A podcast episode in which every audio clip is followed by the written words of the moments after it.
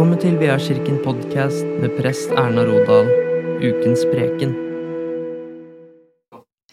Velkommen til Vearkirken podkast og ukens preken.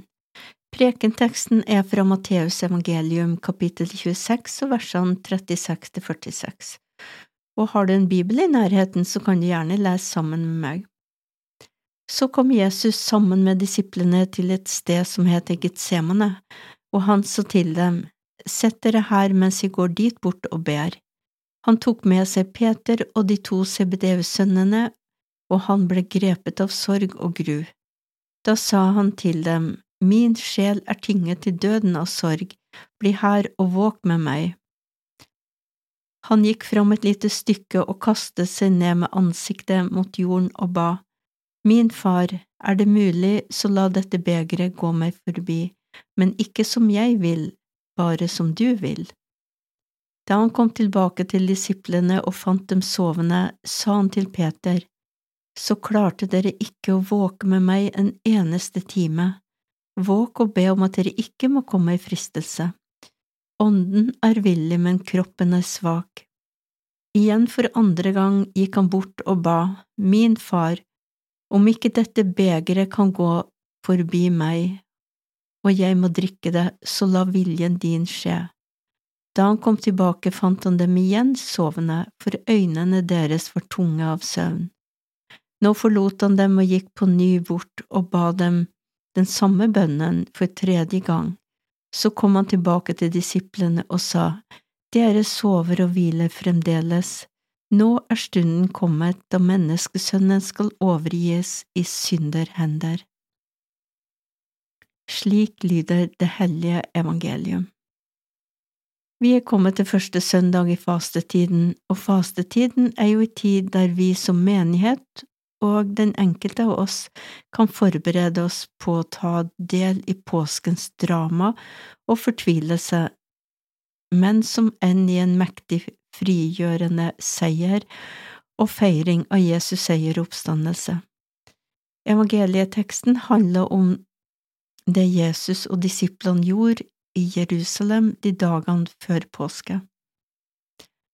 I dagens evangelietekst så får vi se Jesus som har framstått som den sterke, som, full, som har full kontroll, som helbreder og gjør store tegn og under i Guds kraft, men som nå er nedbrutt i sorg over det som skal skje, og ber Faderen om å slippe å gå den tunge veien og drikk det begeret han har fått å drikke, nemlig å ta på seg all verdens synd og skyld og dø i vårt sted. Han så inn i den dypeste mørket, og ansiktet til de verste demonene i verden møtte han, derfor ba han Faderen om å få slippe. Den siste uka så har vi fått se de grusomste bildene vi noen gang har sett gjennom det som skjer i Ukraina. Et fritt land i Europa som ønsker å leve i fred og rettferdighet, er blitt invadert av en krigsmaskin. Hus og hjem er blitt ødelagt, fine bygninger er blitt bomba i stykker, og mange, mange mennesker har allerede mista livet. Hva er det av demoniske makter som står bak slike handlinger?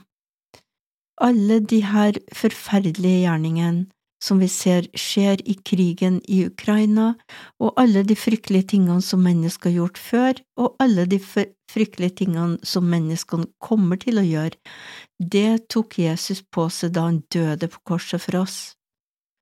Og han ber igjen og igjen om å få slippe.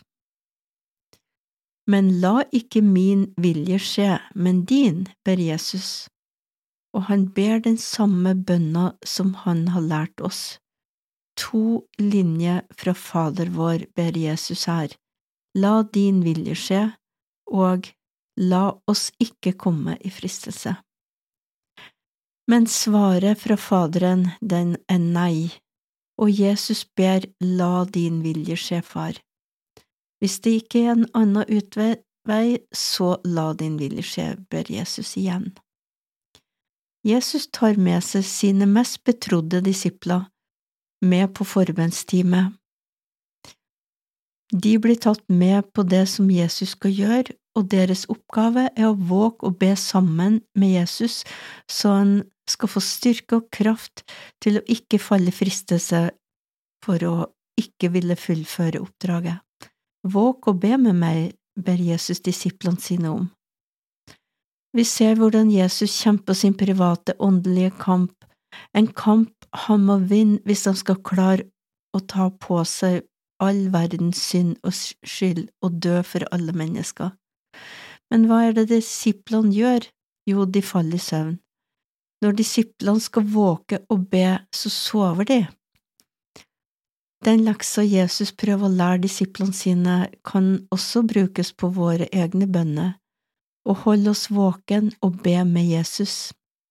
I enhver situasjon der noen vi kjenner kjemper en kamp mot mørket, det kan være mot sykdom, død, tap av noen kjære eller katastrofe, så spør de kanskje oss om å stå med i bønn. Kanskje vi på et eller annet tidspunkt blir kalt til å knele i bønn i Getsemane ved siden av noen som trenger at vi er der og ber med dem.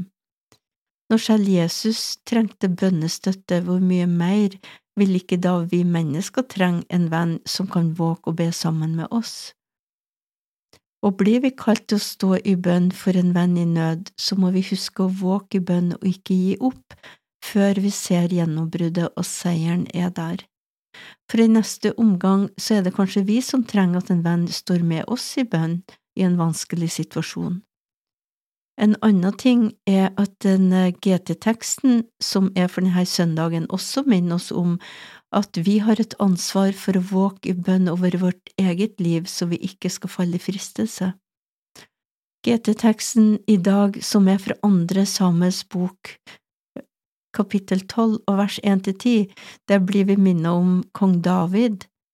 Han skulle våke i bønn over eget liv, så han ikke hadde falt i fristelse da han så Urias kone, den vakre Batseba. Alle trenger vi å våke og be over vårt eget liv og familien vår. Vi har nettopp fått en krig i Europa inn i våre liv og i hverdagen.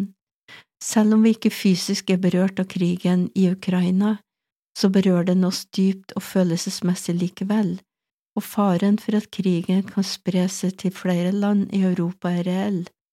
Vi må absolutt stå i bønn og be til Gud den allmektige om at han må stoppe krigen og beskytte folket. Og når vi sjøl finner at bakken gir under, under føttene våre, som før eller seinere det vil vi oppleve, så er Getsemane det plassen vi kan gå til.